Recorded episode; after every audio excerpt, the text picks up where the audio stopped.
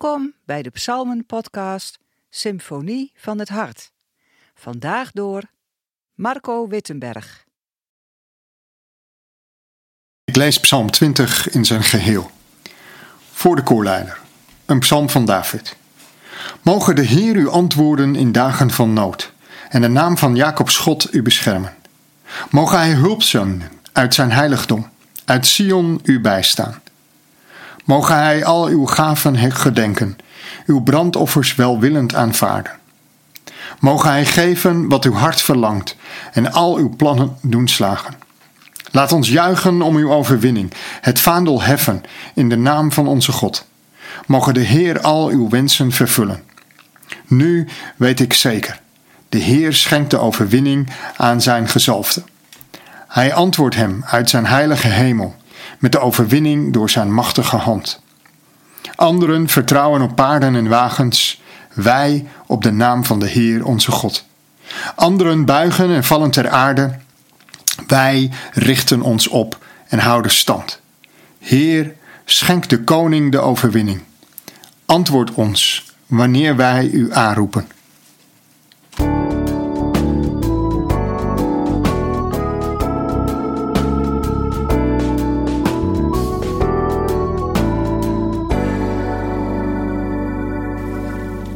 Een zondagse dienst wordt altijd besloten met het uitspreken van de zegenbeden. Dat kan de aloude bede zijn uit nummer 6. De Heere zegent u en behoedt u. De Heere doet zijn aangezicht over u lichten en zij u genadig. De Heere verheffen zijn aangezicht over u en geven u vrede. Ik herinner me nog steeds deze aloude en vaak gedragen woorden die aan het einde van de traditionele kerkdienst klonken. En wat was ik dan blij om deze woorden te horen. Niet zozeer om de woorden of de inhoud, maar vooral omdat ik dan wist dat de dienst voorbij was. Soms horen we vrije vormen van de zegenbeden. Soms is het een citaat uit bijvoorbeeld een brief van Paulus. En lang niet altijd klinken ze door middel van woorden aan het einde van de dienst. Ook tijdens een dienst zingen of bidden we mensen de zegen toe. Denk aan het opdragen van kinderen. Denk aan het uitzenden van een zendeling of na het dopen van iemand. Zegenen. Iemand het goede toewensen. Goede woorden uitspreken over iemand. Of, zoals direct na de zegenbeden uit nummer 6 staat, zo zullen zij mijn naam op de Israëlieten leggen. En ik zal hen zegenen.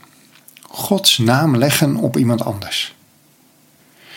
In Psalm 20 zien we dit gebeuren. Het is een zegenlied voor de koning.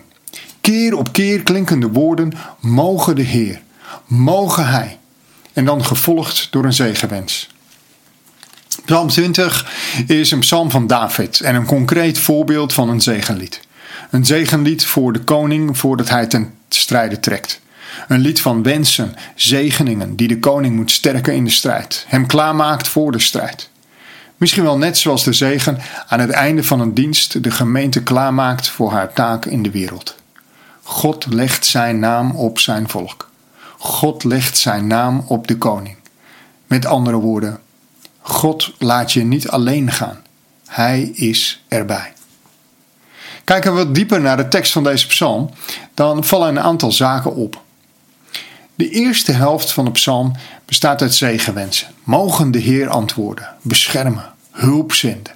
Mag God je offers aanvaarden, je gaven gedenken en zo geven wat je verlangt samengevat in het einde van vers 6 in een soort van tussentijdse conclusie.